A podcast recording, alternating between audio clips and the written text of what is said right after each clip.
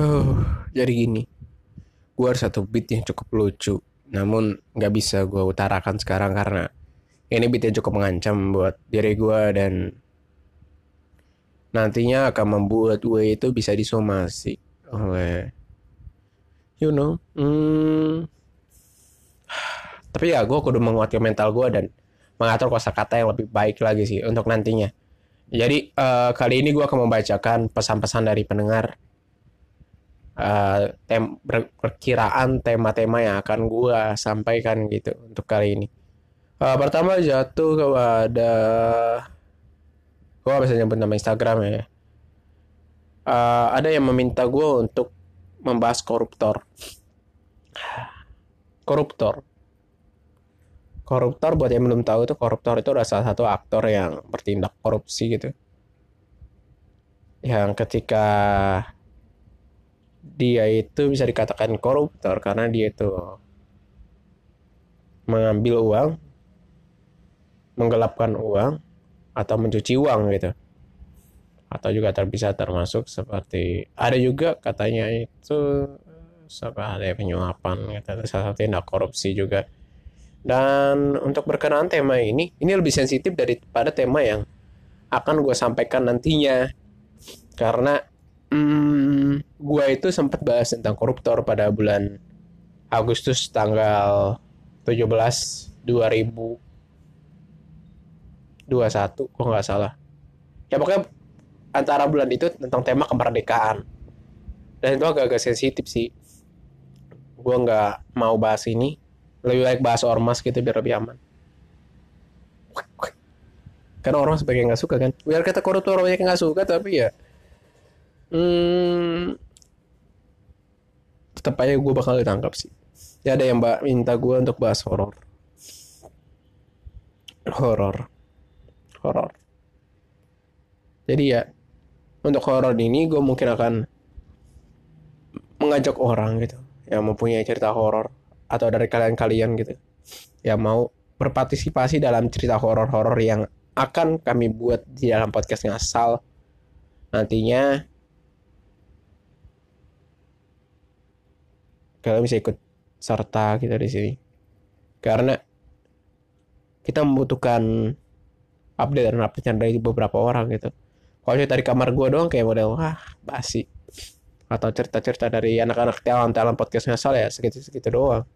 Kalau misalkan kalian punya cerita horor langsung aja chat gue atau DM gue dari Instagram atau WhatsApp. Nanti kita akan bahas itu sih. Karena gue juga pengen itu untuk bahas horor gue pengen banget. Uh, planning kehidupan setelah lulus sekolah. Hmm. Planning kehidupan setelah gue lulus. Gue belum tahu arah sumpah. Gue belum tahu arah. Gue masih sibuk untuk memikirkan apa yang ingin gue lakukan nantinya gitu. Masih sibuk memikirkan doang kayak orang-orang mungkin udah punya planning gitu. Ketika lulus dia ingin ini ingin itu. Gue masih bersifat abu-abu karena hal yang gue inginkan saat ini itu bertolak belakang dengan jurusan yang gue anut sekarang. Jadi ya menimbulkan satu paradigma dalam kehidupan gue yang cukup waduh gitu karena gue tuh harus memilih satu sisi tapi satu sisi ini yang gue suka banget tapi masih bersifat abu-abu atau yang gak gue suka tapi udah bersifat jelas gitu. Dan itu yang kayak model membuat gue itu sedikit ya gue masih belum bisa membaca apa yang akan terjadi di masa depan. Karena kan gue juga berkeyakinan bahwa hidup itu seperti air gitu dan harus mengalir mengalir mengalir mengalir. Karena ketika kita itu membuat rencana yang kita nggak siap untuk adaptasi lagi dengan kondisi dan kultur yang berbeda ya kita akan jadi mas-mas biasa doang. Oke ini ada lagi selanjutnya. News uh, pacaran eh sorry. News remaja sekarang pada kecanduan pacaran virtual. Iya. Jadi di era digitalisasi gitu dan di dukungnya oleh virus karena mediasi untuk perkenalan diri itu jauh lebih mudah dari sebelumnya. Mediasi untuk memperkenalkan diri kayak misalkan gue itu berada di domisili Jakarta gitu dan lo ada di domisili uh, Baghdad Irak. Dan kita tuh bisa ngobrol gitu. Kita bisa ngobrol, kita bisa tatap muka melalui video call. Walaupun tidak secara langsung dengan vape yang berbeda tapi itu mediasinya semakin berkembang berkembang berkembang. Bahkan dari kayak model zaman dulu yang masih surat-suratan gitu yang kadang-kadang juga ada yang nganyutin suratnya di sungai lalu dibaca setiap jam berapa dia akan mengirim surat tidak di data dulu. Kayak begitu kok dulu. Tapi kalau sekarang itu udah berbeda. Berbeda ya kenapa ya? Karena sekarang ada era digitalisasi. Semua itu digital dan ada yang mengatakan gitu pacaran virtual salah atau enggak pacaran virtual itu ya mediasi sekarang seperti itu. Mediasi sekarang untuk perkenalan diri untuk menjalani relationship bisa dengan jarak jauh karena ada yang mediasi itu. Tapi ya apakah salah atau enggak ya tergantung sudut pandang lu sendiri sih. Karena dalam bingkai hubungan ketika seseorang sudah menaruh harapan dan menaruh hati kepada seseorang ya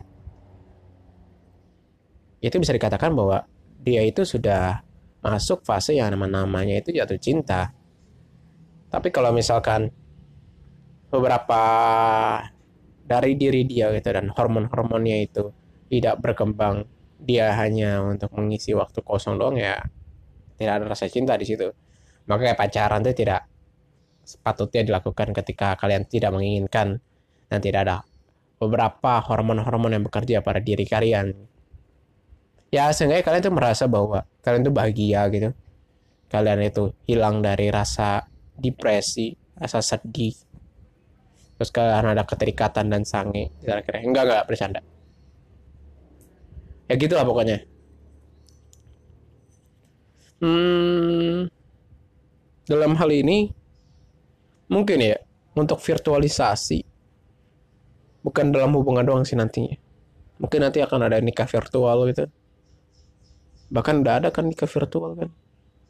Resepsinya sih. Untung gua gak pernah diundang kita resepsi virtual. Kalau misalkan resepsi virtual diundang anjir ngapain nontonin zoom orang nikah bangsa nggak dapet rendang gitu.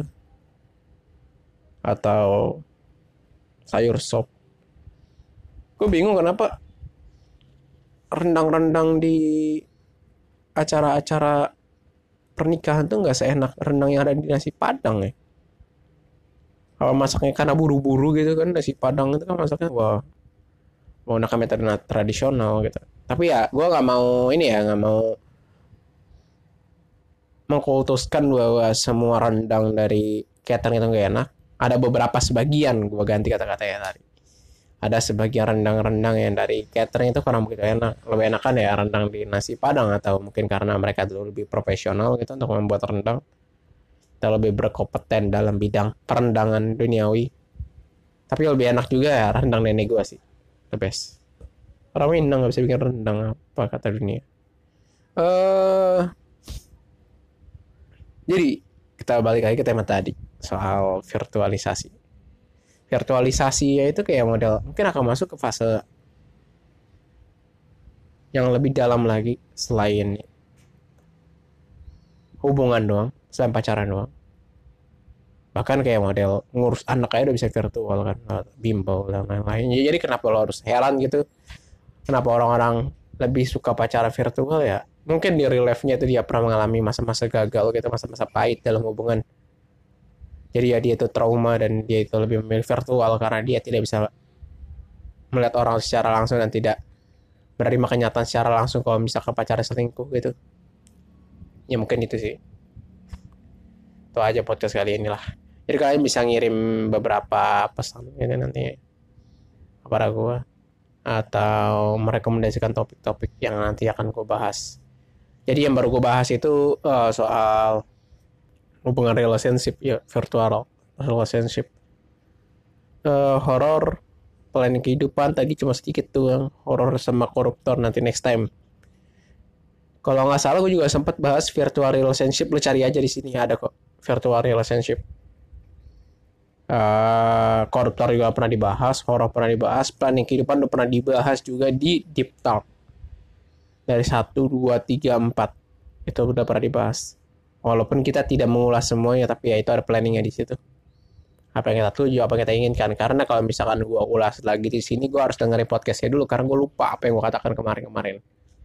Uh, terakhir untuk podcast kali ini karena kita sudah memasuki fase-fase gelombang-gelombang yang selanjutnya. Diharapkan bahwa kalian tuh terus menjaga dan mematuhi protokol kesehatan. Menjaga 3M bahkan 5 atau 15 17 gitu lah serah kalian mau berapa M. Uh, dan tetap sehat secara mental fisik jangan terlalu paranoid jangan terlalu takut. Kita harus melawan semuanya karena kita sudah pernah ada di fase di mana covid itu sudah nol dan kita bersama-sama ingin ingin menciptakan lagi kehidupan yang lebih baik dari sebelumnya. Maka kita harus membuat covid semakin nol terus menerus sampai dia tidak muncul muncul kembali. Uh, segitu ya podcast dari gue sehat-sehat lo semua. Jangan lupa makan minum mandi perak dan berkehidupan seperti layaknya manusia. Terakhir tetaplah pada posisi ngasal. Dadah.